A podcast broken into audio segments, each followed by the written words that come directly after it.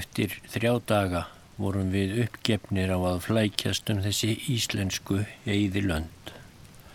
Stöðugt helst stormur, rigning og slitta og einn daginn var veðrið svo íld að við gáttum ekki einu sinni kveikt eld. Þetta var skuggalegt og ömurlegt pláss. Hinn voldu í ísbreiði Eiríksjökuls starði á okkur án afláts með helköldum svip. Leðsögumadur kom til okkar á fjörða degi og ákvaðu við þá að leggja af staður norður yfir án tafar.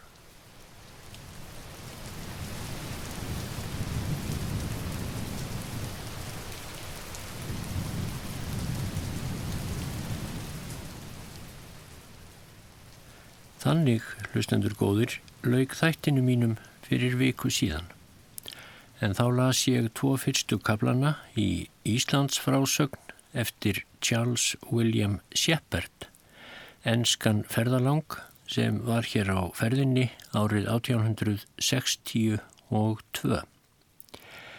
Shepard hafði reyndar komið til Íslands árið áður 1861 og var þá í fylg með öðrum ferðalangi sem Holland hétt og áform þeirra voru að ganga á Öræfajökul.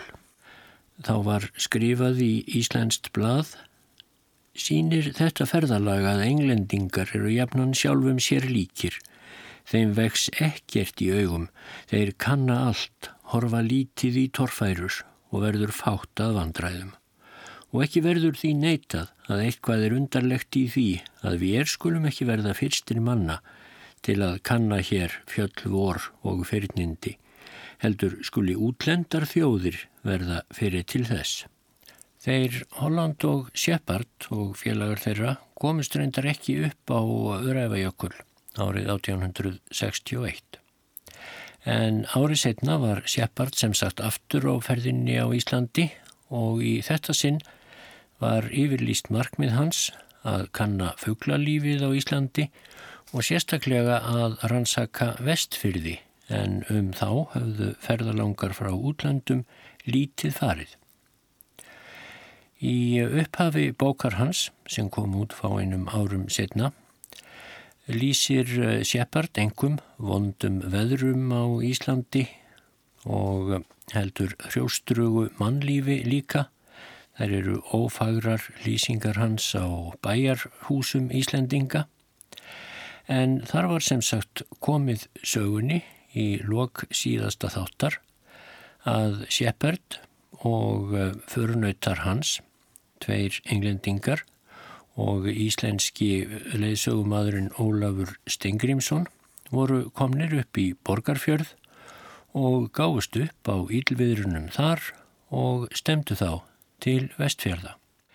Þess landsluta, skrifar Shepard, sem engir ferðamenn hafa heimsótt fram að þessu eftir því sem við er best vitum. Fyrir um það byl hálriöld náði trúbóðin Ebenezer Henderson að ferðast um vesturhluta þessa mikla skaga en norður og austurhlutar hans voru ókunnir öllum nema heimumönnum. Skæi þessi er að mestu klófin í tvo megin hluta af miklum fyrði sem heitir Ísafjörðardjúb Austan við það líkur Drangajökull en Glámujökull að vestan. Það var í upphafi ætlan okkar að kanna þessa jökla báða og nágrenni þeirra. Við vorum við í búnir að mæta misjöfnu veðri og fara um ítla vegi og vegleysur. Í þeina sem við óttuðum staðráði var skortur og fóðri handa hestunum. Við höfðum hugsað okkur að eigða svo sem mánadar tíma á vestfjörðum og halda síðan norður um land til Akureyrar og Mývatns og ná þangaðum miðjan júli. Síðan ætlum við að fara söður Sprengisand og að Skaftárjökli og koma loks við hjá Heklu á leiðinni til Reykjavíkur. Við vöknuðum eldsnemma um morgunin við úrhellist regningu og storm sem dundi á tjaldinu. Tjaldúkurinn skalv og svignaði á næsta óhugnanlegan hátt. Reyndi því ekki lítið á kjarkin að skrýða úr bólunum en Ólafur lesugumadur krafðist þess að lagtir því af stað í skyndi. Ólafur er maður lítill vexti og ágætur feildarmadur. En einn var ságalli hans að hann nöyt þess að bjóða hvaða ílviðri sem var byrkin og virtist aldrei gladari en þegar hann var holdvotur.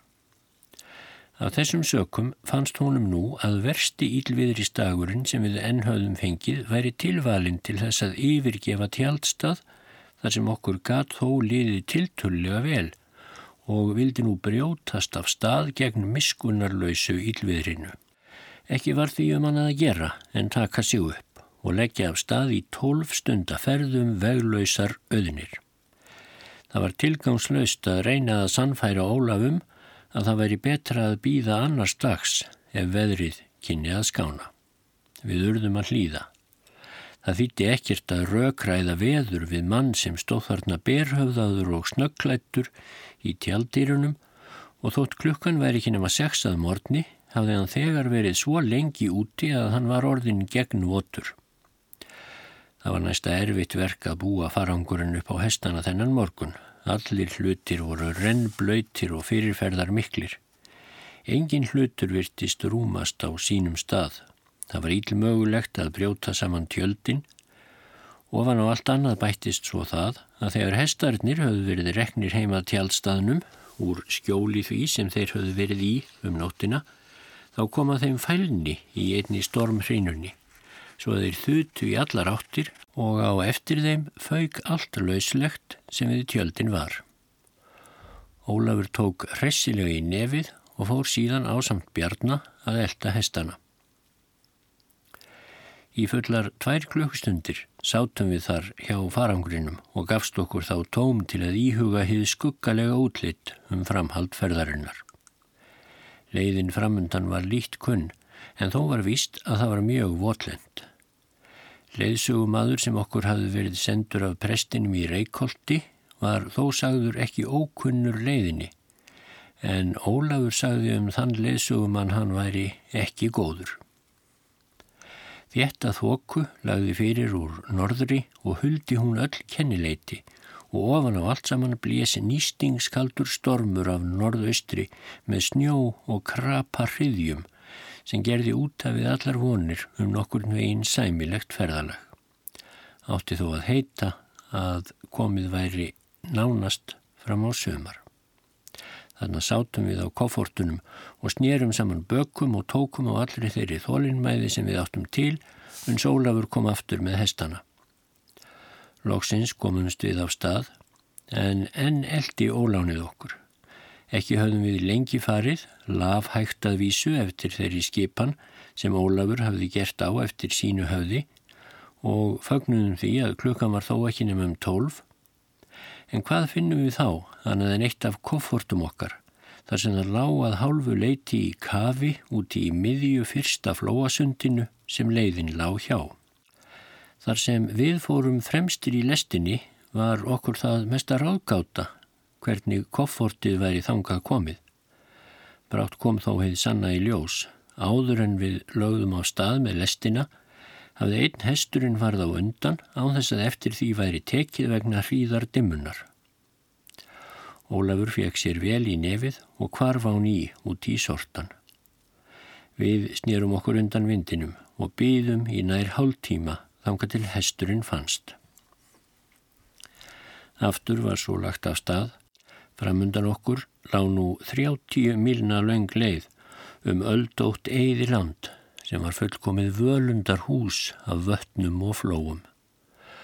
Vötnin voru kaugruð af hávöksnu læpulegu grasi en þykkar grænleitar ísskarir með öllum löndum. Flóarnir voru rótlaust foræði þar sem skiptust á aurbleita og eggjagrjót. Það var reynast að förða að nokkur hestur skildi komast þar yfir með heila fætur.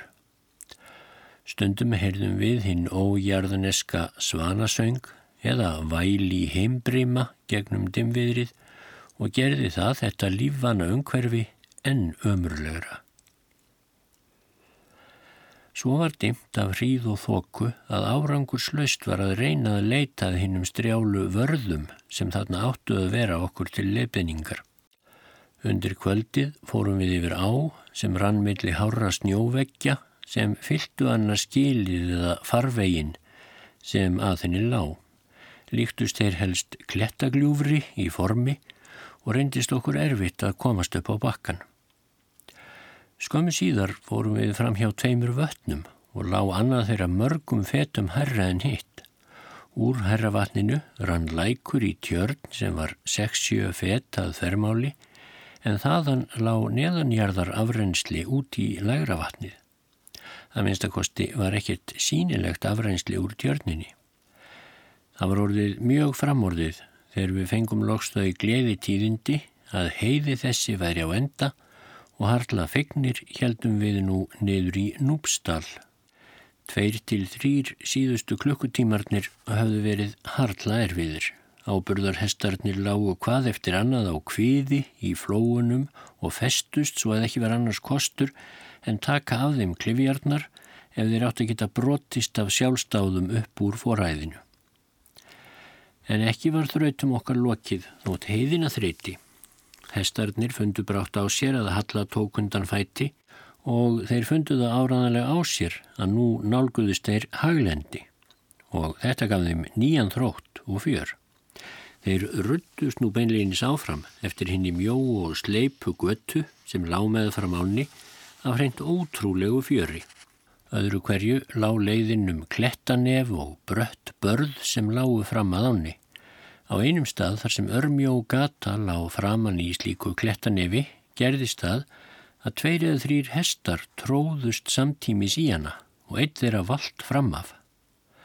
Vestlings skeppnan náði fótfestu með framfótunum og reyndi að ná sér upp í göttuna en allar tilraunir hans reyndust árangurslausar. Kraftar hestsins þrötu og hann stiftist aftur og bakk ofan í ána. Okkur til skjelvingar sáum við hann á samt tjaldi okkar og sengurbúnaði fara í kaf. Til allarar hæmingju var vatnið svo djúft að það dró úr fallinu, annars hefði þetta orðið hestinum að bana því fallhæðin var 6-7 metrar. En það ótrúlega skeiði, klárin kom undir sig fótunum og bröldi upp á grinningu. Ólafur fór á eftir honum, bjargaði klifjunum og stóð síðan í 20 mínútur í hnjedjúpu vatni við að búa upp á hestin að nýju. Ég hefði nú haldið að þægilegra hefði verið að allafna sig við þetta á þurru landi, ekki síst þar sem sífelt dreif yfir norðaustan hríðar og slittuél og var þó komið fram í júni. En Ólafur let ekkert slíkt á sig fá. Meðan þetta gerðist þutu hinnir hestarnir áfram og fylgdi bjarnið þeim fast eftir. Við sáum því lítið til þeirra fyrir við náðum að fyrsta bænum sem hétt eitthvað sem okkur heyrðist vera far á en mun hafa heitið þver á. Bóndin þar kom til móts við okkur og Ólafur og leiðsögumadurinn Bjarni báðu hann kurtislega að leifa okkur að tjálta þar yfir nóttina en því neytaðan eftir að hafa haldið okkur upp á snakki í stundarfjórðung og spurt allra mögulegra frétta. Ólafur sagði okkur að bondin hefði neytað okkur um tjaldstæði af óta við hann átróðning sem hestarnir kynnu að gera í landi hans. En þetta var í eina skiptið sem ég mætti ógestristni á Íslandi. Við kalluðum þverjárbondan okkar í milli þrjót og heldum áfram í hríðar veðri og náðum að Evranúpi klukkan eitt um nóttina og stigum þar af baki, þreyttir og styrðir eftir meirinn tólf stunda ferð. Evrinúpur er kirkjustadur en ekki pressettur, svo að venjulegur bóndi situr staðin. Hann kom fljótt út til okkar og hleyfti okkur inn í kirkjuna. Gestgjafi okkar var mjög lipur og alúðlegur. Hann hýtaði hand okkur kaffi sem var reynast að nöytt fyrir okkur að drekka, svanga og kalda sem ekkert höfðum fengið onni okkur síðan klukkan sjö um morgunin nema eina keksköku. Bóndin tók einnig framhand okkur dínur og ábreyður sem hann geimdi á kirkjuloftinu sem er hefði venjulega geimslurúm á íslenskum kirkjustöðum. Íslenskar kirkjur eru mjög óbrotnar að gerðu og útliti og hver annari líkar. Hins vegar er þeim mjög misjaflega við haldið og hyrtar svo að þess vegna verður munur þeirra nokkur. Oftast eru kirkjurnar langar og lágar og líkjast hlöðum. Stafnar eru úr timbri og þær þyljaðar innan en hliðarnar þykir torfvekkir sem ná upp undir þakbrúnina. Þakið er úr torfi. Engin gluggi er á hliðunum en sinn gluggin korum eigin við dyrnar og aðrir tveir gluggar eru á austurstafninum báðum eigin við alltarið. Í nálagt þremur fjórður hlutum af lengd kirkjunnar eru mjóir bekkir sem snúað alltarinu en mjög er óþægilegt að sitja í þeim vegna þess hver bökin eru há. Kórin er svo fjórður hluti kirkjunnar. Hann er skilinn frá framkirkjunni með tregrindum Alltarið er við austurgablinn millir glukkana og umhverfið það eru gráturnar Prétikunarstólinn stendur frammi í kórnum. Hann nær oft í íslenskum kirkjum svo hátt undir þakkið að höfuð og herðar pressins ná upp fyrir kirkjubittana. Yfir nær helmingi framkirkjunar er loft sem eins og ég gatum er geimsla pressins eða kirkjubóndans. Oft sér maður einnig að fatnaður bæði karla og kvenna hangir á snögum í kirkjunni sjálfri. Guðstjónustan fer fram aukræðunar með söng og tóni og stendur þá presturinn eða krýpur fyrir framann alltarið. Hann skiptir þrísvarum skrúða meðan á Guðstjónustinni stendur og hjálpar með hjálparinn honum við það en hann á sæti næst alltarinu. Við vorum um kyrt á Efranúpi næsta dag til þess að kvíla hestana sem voru að vonum ornir mjög sleftir. Veðrið var enn vond og við fórum lítið út fyrir kirkjudirnar sem snýru frá nakinni hlýðinni niður á þánni og eh, dalbotninum. Umhverfið var tilbreytingar laust og nöturlegt. Leðsögumadurinn Bjarni frá Reykjóldi kvarf nú frá okkur söður yfir heiði og baði gestgjafa okkar að leiðbein okkur um næsta áfanga. Dægin eftir fórum við frá Efranúpi og komum að stað í hrútafyrði eftir fimm stunda ferð í bleitu og kulda. Leiðin lágum sveiplausta land, mýrlenda ása og enn blöytari dældir móbrúnar að lit. Staður likur í miklu breyðari dal en núpur, eftir dalnum rennur ströymhörð á sem fellur í mörgum smákvíslum í botn hrútafjörðarins en öldur hans lömdu ströndina án afláts. Fjöllin ansmæni stað voru herri en við Evranúpa og á nokkrum stöðum í dalnum sáist fagur grænir blettir þar sem túnin voru. Þrátt fyrir nýstings kaldan norðaustan garra heldum við áframferðinni frá stað næsta dag. Ána reyðum við rétt við ósana. Síðan lág leiðin beint norður eftir vesturströnd hrútafjörðar sem gengur inn úr sjálfu Íshafinu. Við fórum eftir fjörunum en hlutum við og við að fara yfir kletta og klappir sem sjórin fjall alveg upp að. Mikil merð döðra sjófugla lág kvarvetna í fjörunni. Sumstaðar voru hrúur með 20-30 ræjum og mikið að fugli flöyt í og rétt framann við flæðarmálið. Þetta voru aðalega álkur, teistur eða lómar, allt fuglar sem aðeins halda sig við sjóin. Kvílíkur ægilegur vetrar ofsi má það ekki hafa verið sem orðið hefur þessum fugglum að bana og var þó sem fyrr segir komið fram í júni. Báðum eigin fjardarins eru naktir fjallgarðar, stormbiljirnir sem ættu inn frá Ísafinu voru ægilegir. Stormurinn sleit sundur öldukampana og þeitti þeim upp í loftið og demdi yfir okkur stingandi hagljéljum. Margir hestana voru treyir til að halda móti veðrinu og í vestu hriðjunum snýruður sér undan og settu höfum í veðrið og stóðu þannig gravkirir. Eftir því hvernig borðeiri var mert á uppdrætti landsins hafðum við vænst þess að þar væri dáltið þorp. En á borðeiri reyndist á aðeins vera eitt hús og það aukt meira segja. Þetta er langt svart timburhús með kvítum gluggaumgjörðum eins og dansk kaupmannshús eru flest en annars líktist það mest út í húsi með vindhana og burstum. Húsið stóð frammi við sjóin og nálagt ein ekra af grónu landi umhverfist það. Á haustin hverfa danir burt frá slíkum eigðistöðum og dveljast annarkort í Reykjavík eða Kaupmannahöfn yfir veturinn. Borðeirar kaupmaðurinn var enn ókominn, svo að voninum að geta keift af honum nýjar nestisbyrðir var það engu. Við notuðum okkur samt skjólið undir húsinu til að áþar og fá okkur hátegisverð því við höfum keift tvær kindur á Efranúpi. Íslenskt kindakjött er mjög bræðgott og líkist álti gæsakjötti eins og sagt hefur verið annar staðar.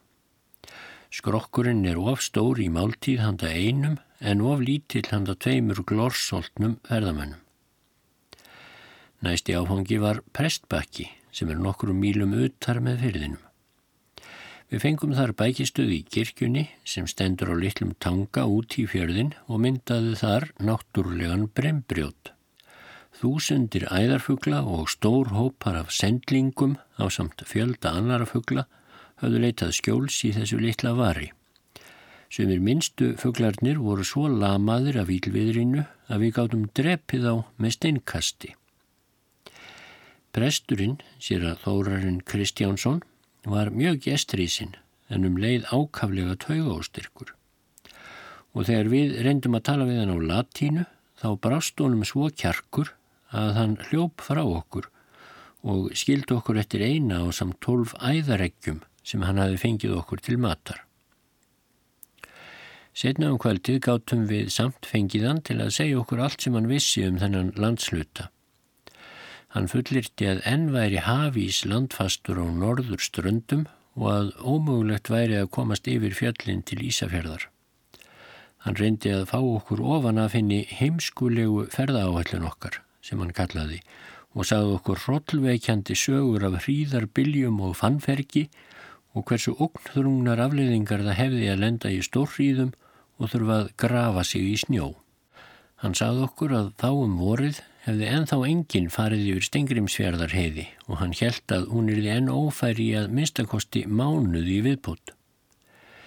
Við heldum tímanlega út í kirkjuna til að hugleiða þessar yllu fréttir en þar sem við vorum þreyttir og sengur prestsins mjúkar þá glemdum við brátt erfiðleikum okkar og sopnuðum. Næsta dag heldum við áfram út með ferðinum. Stormurinn og haglíelin heldust óbreytt og töfðu ferð okkar. Fyrstu tvær eða þrjár klukkustundirinnar sá ég ekkert frá mér að kalla. Ég nýpraði mig saman innan í yfirhöfn mína og reyndi að skíla andleitinu eins vel og ég gatt. Ég batt upp beislistaumin á hestinum og eftir að hafa sett upp þrenna íslenska belgvettlinga let ég hestin ráða ferðinni. Það eina sem ég gerði mér ljóst var að við höfum stormin alltaf í fangið. Um fjöguleitið skánaði veðrið, þókuna reif frá, svo við sáum í ströndina hinum einn fjörðarins. Hún var klettótt og brött fjöll risu upp frá henni. Við náðum brátt minni hrútafjörðar og þar sem þokun létti sáum við nú yfir í Balkastaðanes sem er endin á hálsinum austanmegin fjörðarins. Við hafðum nú sjálfan húnaflóa á hægri hönd en það er mikill flói sem margir fyrðir skerast inn úr. Græn gólandi íshafsbylgjurnar komu æðandi á mót okkur og brotnuðu við ströndina í trilltum ofsa. Þegar við nálguðumst svo Guðlaugsvík varð strandlengjan vokskortnar einn áður og um leið með meiri tilbreytingum. Nokkrar þunnar hamrabríkur, 10 til 12 metra háar, stóðu upp úr sjónum. Þær voru mjög förðulegar tilsýndar þar sem öldurnar brotnuðu á þeim og þeittust upp í fróðu kúfa. Það litla sem við sáum á þessum síðasta hluta dæliðarinnar vakti forvitni okkar eftir meiru en þokan og dimviðrið huldi aftur alla útsýn. Þegar til Guðlóksvíkur kom vakti það fagnuð okkar og undrun er við vorum ávarpaður á móðurmáli okkar. Hinn ágæti bundi þar sem Tómas Jónsson hétt, hann heilsað okkur með orðinum Welcome Master og bauð okkur þegar í bæin sem var reynlegur og að mestuleiti laus við hinn íslenska bæja þef. Tómas bauð okkur bestu stofuna til íbúðar og tókum við því með þökkum og fagnuði. Gestgefi okkar var miðaldra maður, og miklu snirtilegri utan um sig en Íslendingar almennt eru. Tómas sað okkur síðar að hann hefði unnið sem timburmeistari í dönskum skipasmíðastöðum og í sambandi við störf sín hefði hann farið oft til Svíþjóðar, Þískalands og Englands. Ferðalög hans til annara landa sem lengra voru komin áleiðis en Ísland hafðu opnað auðu hans fyrir því hver íslensk húsakinni og mataræði stæðu þeim að baki. Meðan við dvöldum undir þakki hans var hann sífælt að afsaka móttökurnar, fullkomlega að þarflausu að okkar dómi. Þegar hann vísaði okkur í ágætt rúm sagðan ennsk rúm eru góð en þessi ekki og við miðdegisverðin sagðan þetta er ekki gott en annað er ekki til. Tómas þessi var mjög greindur maður og ræðinn að samaskapi og bent okkur á alla bestu áfangastæðina og vendanlegri leið okkar. En hann var engað síður sannfærður um að ferð okkar væri vonlaust fyrirtæki. Honum var kunnugt um hafísin og ófærðina og stengrimsfjörðarheiði, um drangajökul saðan afdráttarlaust, fráleitt, engin maður kemst upp á hájökulin, jökulin nær alveg niður undir sjó, þar er mjög kallt, alveg fráleitt. Höfuðskefnurnar heldu sínum trillta leik áfram án afláts allt lögardagskvöldið og sunnudaginn. Stormurinn nætti gegnum bestu skjólfötin okkar svo það var næstum eins og við værum naktir. Það var fjögur að gráða frost á Celsius. Við þökkuðum okkar sæla að það var fundið svo þægilegan dvalarstað og það fór hrollur um okkur við tilhugsununa um ef við hefðum orðið að liggja í tjaldi á bersvæði í þessu veðri. Gestgefi okkar sagði okkur margt hræðilegra og ömurlegra sagna um hinn íslenska vetur Hann sagði okkur frá stórfríðum, fannferki og óurlegum snjóflóðum sem sópuðu brott öllu sem á vegið að varð. Einnig líst hann fyrir okkur norðurljósunum sem stundum væri svo björt að hægt er að lesa á bók í skynið þeirra. Tómas var vel efnaður maður á íslenskan mælikvarða. Haug Guðlögsvíkur átti hann aðra jörð vestur undir jökli Þar dvaldist hann á vetrum við sjóróðra og varð sjónarvottur þeirra skjelvinga sem hann sagði okkur frá. Hann sagði okkur að sumir bæir undir jökli læju þannig að þá fendi algjörlega í kafa á vetrum og grafa erði mörg þrep niður í snjóin til að komast að bæjardýrunum. Menn settu langar stangir með veifu á endanum á húsburstyrnar til þess að aðkomumenn gætu fundið bæina. Á sama hátt eru einstök peningshús mert því að annars er þið ókleift að finna þau í fannferkinu. Íslendingar fara léttilega yfir fannirnar á skýðum sínum, finna stengurnar og grafa síðan niður að hústýrunum og skefnunum. Á þessum afskektu bæjum lifir fólkið mjög fábreyttu lífi yfir hinn að löngu vetrarmánuði. Konur prjóna vettlinga, sokka, peysur og aðrar flíkur úr öllarbandi en kallmenn hyrða um skefnurnar. Næstum hver maður er læs og skrifandi og nokkrar bækur eru til á flestum bæjum. Hver bóndi er smíður á járn og tré. Þeir smíða sjálfur hestajárn eftir þörfum og smíða og gera við flesta þá hluti sem heimilið þarnast. Þegar fólki lífir svo einangrað yfir veturinn er ekki að förða þótt að verði málgefið og skrafdrjúkt um hlutina. En það verðast samræður vera besta skemmtun þess. Gesta komaður í þeirra augum eins og þegar postvagnin kemur hjá oss. Fólkið á bænum sapnast kringum gestin og honum dvelst oft klukkutímum saman og þá er spjallað og tekið í nefið án afláts. Hvar sem við komum endur tók súsaga sig. Frá því við riðum í hlað og þanga til við kvöttum var Ólafur í róka samræðum við einhvern heimamanna hverja þá stund sem hann þurfti ekki að snúast fyrir okkur. Íslendingar yrka nær enga leiki sér til dægrastýttingar. Á stökustad sá ég þó dominótabl og spil á örfáum stöðum. Höfuð vinna fólksins á hverju ári er heiskapurinn sem stendur í tvo mánuði, júli og ágúst. Hver maður sem veldur orfi eða hrífu hlýtur að taka þátt í því starfi, besta hegið, fæst af túninu, umhverfi spægina, en auk þess afla bændurnir heia í hlýðargeirum, mýrum og flóum sem eru í namdið bæina. Ljáblöðin eru mjög stutt, en það er ómögulegt að nota langa ljái vegna þýfisins. Þegar veður leifir vinna menna slætti og heiðurk allan sólarhingin. Jafn skjótt og heiðið er orðið þurrt, þá er það bundið með reipum eða ólum í bakka og flutt heima á hestum og látið í torfhísi sem það er gemt í við hliðina á penningshúsunum. Heibandslest er mjög skrítin sjón. Hestunum er nýtt í tagl þess sem á undan fer og þessi smávöksnu dýr hverfa svo undir klifjum sínum að nær ekkert sést af þeim nema fæturnir og teimingarnir sem nýttir í töklinn. Lestin líkist mest tilsýndar hóp af heiböggum sem skrýða sjálfkrafa í átt til húsana. Þegar fyrir er gemt í húsum fjarribæjum er heilaða við hvert hús því að ómögulegt er að flytja þangað heiað heimann í vetrarsnjóum og hríðar veðrum.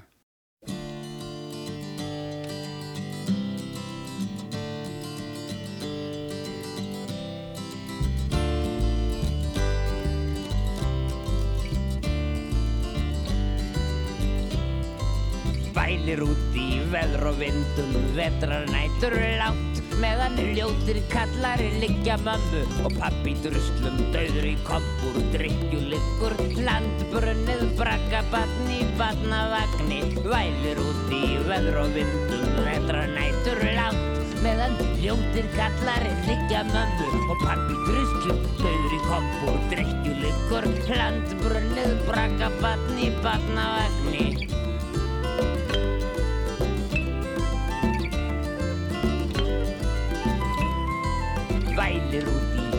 og vindum, vetra nætur lág meðan hljótið kallar liggjana mömmu og pappi druslu döður í kompu. Og drikkjuleikur landbrönnið brakka batni batnavagni Sint á sunnudagskvöldið kom Ólafur allt í einu inn til okkar og sagði okkur að nú hefði veðrið skindilega gengið niður. Við þorðum alla trúanum en flýttum okkur út til að sjá hvað gerst hefði í loftinu. Og mikil var gleði okkar í sannleika sagt þegar við sáum að allur norðurhíminin var heiður og þoka eða skí sem hangið höfðu yfir fjöllunum líkt og sópuðust söður yfir. Næsta morgun hafði öll náttúran breytt um sveip. Ólögulegar hæðir sem glatað höfðu öllum sérkennum sínum í þokunni byrtust okkur nú sem myndarleg fell með glitrandi snjóhettur og kollunum. Víkur, gíl og klettar fylgdu upp í heldarmynd landslagsins. Gestgjafi okkar glattist ekki síður en við af góðviðrinu. Það er gott fyrir ykkur og gott fyrir mig líka, saðan. Á vingjarlegan hátt kvatti Tómas okkur til að vera hraða í heimanbúnaði því hann vissi af reynslunni að slík góðviðri yrðu oft skamvinn. Útsýnið af hlaðinu í Guðlóksvík var nú mjög hrífandi. Næst okkur var fjörðurinn þar sem glitrandi sólargeistlar dönsuð á vassfletinum, fjær voru fjöll með snjó á kollum og niðrættir hlýðum en anspænis okkur reys Balkastaðanes höfði sem skilur að tvo smáfyrði. Höfðinn er fyrirferðar mikill, dökkur tilsýndar og dreyin upp í mjóan hrygg og fellur bratt niður að sjónum. Til vinstri var opin sín til Íshafsins yfir húnaflóan. Þar var næst okkur annar höfði, guðlaugshöfði, snjótiftur og hömrum girtur. Mesta hrifningu okkar vakti þó skaf heiður himinin og vermandi sólskinnið og svo tilfinning að vera þó einu sinni enn gladvakandi. Kringum bæin var nú grasið fagur grænt og við sáum marga bletti þar í kring sem líktust ennskum grasvöllum. Það var hressandi sín að vera þannig myndur á heimkinnin og harla ólíkt hinnu algenga, óhrjálega íslenska graslendi. Við kvöttum Tómas gestgjaf okkar innilega og létum þakklæti okkar í ljós fyrir hjálp hans og velgerðir á þann hátt sem við best kunnum. Síðan fylgdum við sjónum fyrsta kastið en brátla á leiðin upp brekkur til vinstri handar fyrir ofan áðurnemdan Guðlaugshöfða. Síðan var farið ofan í Bitrufjörðin sem er einn af smáfjörðunum sem gengur inn úr húnaflóanum. Veðrið var enn skínandi gott og útsýnið af háhálsinum ánægulegt. Báðum einn fjörðarins voru snæfið þakin fjöll og hálsar en sjórin fyrir neðan okkur sléttur eins og speill. Í vassfletinum speikluðust létt tásuskí og kyrðin var svo fullkominn að erfiðleikar liðinar viku voru nú eins og fjarlægur draumur. Við riðum niður að fyrðinum og inn með honum í vesturátt Þar var greiðfær leið eftir malarkömpum sem víða voru alþaktir rekavið. Langt í burtu hinum einn fjörðarinn sáum við bæin Óspakseyri og við sáum að því að framundan var margra stundar reið inn fyrir fjörðarbotnin uns við kæmum að skarði því við Óspakseyri sem leiðin lág um yfir í næsta fjörð. Upp af botni bitrufjörðar likur eigðið sem tengir vestfyrði við meginlandið. Fyrir fjörðarbotninum er gröðsugur dalur eða allur heldur skál sem liggur upp að lágum hálsi sem ekkert virtist af upp og bjóða nema mýrar. Þegar fyrir fjörðarbotnin kom heldum við út með fyrðinum að norðan. Gatan var tæp og ógreiðfær, klettaveggir á aðra hönd en sjórin á hýna. Ólafur mátti ekki heyra á það minnst að stansa á óspakseyri og býða þar eftir kaffi Klukkan væri orðin sjö og enn væri laungleið og blöyt að felli í kollafyrði sem næstur var. Þar við bættist að mikla skíabakka drónu upp í norðaustri sem hann bent okkur á og sagði ekki gott. Svo við heldum áfram. Nokkru eftir að við fórum frá Ósbakseyri fórum við upp í skarð sem þar var í fjallið. Landið var þar móleitar á svipin áður, mýrar og stórgríti Hæðirnar báðum einn voru álíka háar en meira aðlýðandi en við höfðum átt að venjast. Fyrir okkur lánu það erfiði að klifrast yfir aðra þessa hæð. Það var leiðinda vegur yfir endarlausar snæfi þaktar brekkur. Þótt við kæmumst upp á einn hjallan tók annar við þegar í stað og þannig hjælt það áfram, koll af kolli. Hestarnir voru döðþreyttir og einn vestlingsklárin lagðist fyrir. Klifjarnar voru teknar af honum og svo ákvaðum við að skilja hann eftir.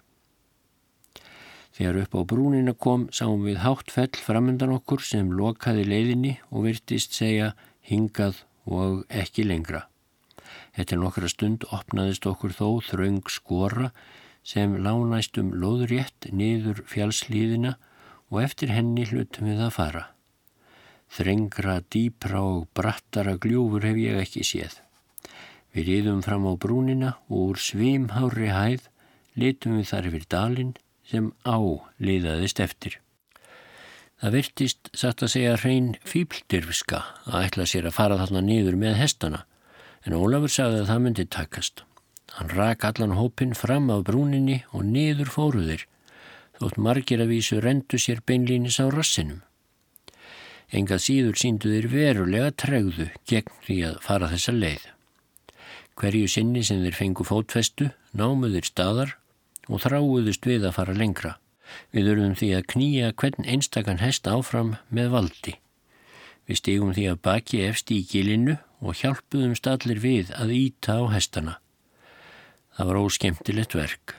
Því að hverju sinni er við litum við, máttum við búast við að sjá einhverja veslingsskepnuna fyrir ofan okkur vera við að missa jafnvægi og fótfestu. Tveimur hálf uppgefnum og þrótt litlum hestum urðum við beinlínis að íta niður allt gilið. Við vorum lengi að komast niður á jafsléttu og þá var allur farangurinn okkar komin í þá óreiðu að binda þurfti hverja klif að nýju áður en af staðværi haldið. Dalurinn sem heitir Mókollsdalur var hins vegar gróin og vegurinn góður. Við höfðum komið niður í hann við botn kollafjörðar Við reyðum þar yfir ána og komum að felli eftir þrjá stundarfjörðunga. Við gistum þar í kirkjunni og hafðum búið um okkur þar um klukkan tíu að kvöldi. Það reyndist svo óhjákvæmilegt fyrir okkur að dveljast einn dag um kyrt í felli vegna hestana. Fimm eða sex hestar voru orðnir alveg ófærir af þreitu og sulti. Í raun réttri höfðu þeir aldrei náð sér eftir hið svo kallaða gras sem þeir þurftu að býta við úlsvatn. Veslingarnir höfðu ekki geta hagnýtt sér það litla nýtilega grængresi sem þar var að fá en fengið fylli sína af grári og blöytri sínu frá síðasta sumri. Það var allt og sumt. Meðan við döldumst í felli varðu uppi fótur og fyrt hjá heimafólki við að sjá skip út við sjóndeldarringin. En sigling er næsta fáttíð bæði við söður og norðvestur strand landsins. Okkur lék einnig forvitni á að vita hver væri ákvörðunarstaður skipsins því ef við getum náð sambandi við það myndum við geta keift þar keks en við vorum orðinir leiðir á rúbröðinu sem var nánast eina fæða okkar á þessu ferðalagi. Bóndanum á felli léka ekki síður hugur á að vita hvaða skip þetta væri, hvort það væri danska kaupskipið sem beðið var eftir eða eitthvað ókunnugt skip. Hann aðtögaði allan morgunin í sjónaukum okkar og loks setni hlutadags líst hann því yfir að þetta væri danska skipið. Hann sagði að með skipinu væri danskur kaupmaður er færið í héræðinu nöðsinjavörur og skipið myndi leggjast á Skeljavík í Stengrimsfyrði. Þar myndi það liggja þanga til haust stormarnir, knýðuða til brottsiklingar og til að leita betri hafnar út í Hamburg. Skeljavík var mert á kortu okkar sem ákjósanlegur áfangastadur. Við röldum niður að fyrðinum, bæði til að njóta kvöldkýrðarinnar og skjóta nokkrar ströymendur. Loftið var förðulega tært og kýrt. Tveir þröngir dalir liggja upp frá kollafyrðinum og koma saman um mílu vegar inn af fjörðarbotninum. Þeir eru aðskildir af háum bröttum hálsi sem endar í höfða er dálit til kvilt verður í að framann. Í þessari kvilt stendur kirkustadurinn að felli. Eftir báðum dölunum renna ár og verður af þeim allmikið vassfall þegar þær hafa runnið saman. Fjöllin til begja handa eru tilbreytingar lítil dökk á lit og halda áfram óslitið niður að strönd húnaflóa og verða strendur kollafjörðar af þeim. Þannig er umhors við fell en þegar hort var í kvöldkýrðinni heimað bænum var það mjög fallegt. En með kvöldinu hrönnuðust svartir skíabólstarar upp á norðaustur loftið og nokkrir þungir regndrópar fengu okkur til að flýta okkur í húsaskjól. Regnið stitti samt upp áður en við gengum til náða en kvass vindur frá sjónum blés og hrein milli fjallana. Stundum raka á harða bylji svo að leti veggjum kirkjunar eins og hávert ílfur.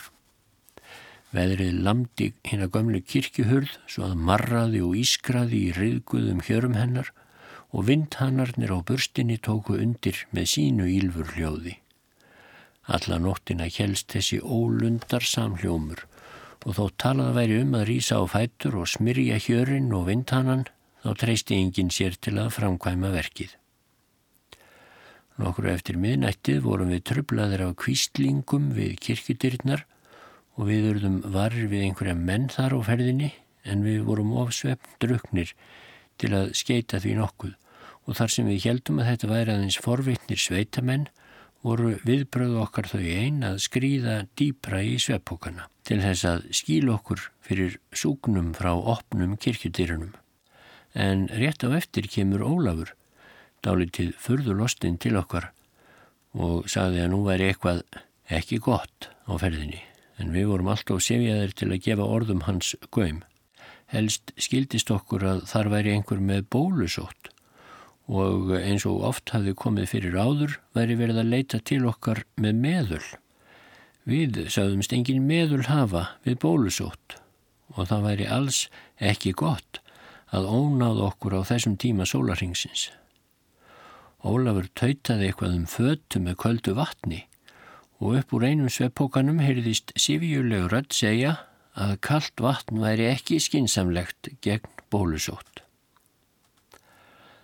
en morgun eftir var gátan ráðinn. Maður í sveitinni hafði dáið þarna í nákrennu og ættingjar hans hafðu komið með líkið og látið það inn í kirkjuna til okkar og þarna stóð nú líkistan á stólunum fram með dyrnar en hinn tryggi fylgdarmadur okkar hafði raðað ílátum með köldu vatni umhverfisana til að draga úr nálíktinni. Eftir þetta læstum við alltaf kirkjudýrunum á kvöldin. En það er ráðlegt fyrir ferðamenn sem gista í íslenskum kirkjum að gera fleiri varúðarastafanir. Jarðarfarir á Íslandi fara fram með eftirfarandi hætti. Jafnskjótt og líkistan er tilbúin er líkið látið í hana, hún krossbundin á baka á hesti og flutt til kirkjunar þar sem hún er gemd til jarðarfarardagsins þegar ættingjar hins látna sapnast saman á kirkjustaðnum til að vera viðstattir grefturhunina. Lík eru oft flutt langar leiðir til grefturunar yfir ár og mýrar þar sem sömur bæir leikja alltaf 40 til 50 kílometra frá kirkjustaðnum. Af þessum sökum er sjálfsögð varúðaregla að kynna sér hvort lík muni standa upp í kirkjunni áður en menn taka sér þar náttból. Okkur tók nú að gruna að langur og mjór kassi sem staðið hafði í kórnum rétt hjá flatsengum okkar og við heldum að væri einn af húsmunum bondans, kynni þá að hafa verið líkista þótt útleitans myndi ekki á það og grunnur okkar reyndist réttur. Dæin eftir, miðugdægin 11. júni, fórum við frá felli og heldum áfram ferð okkar.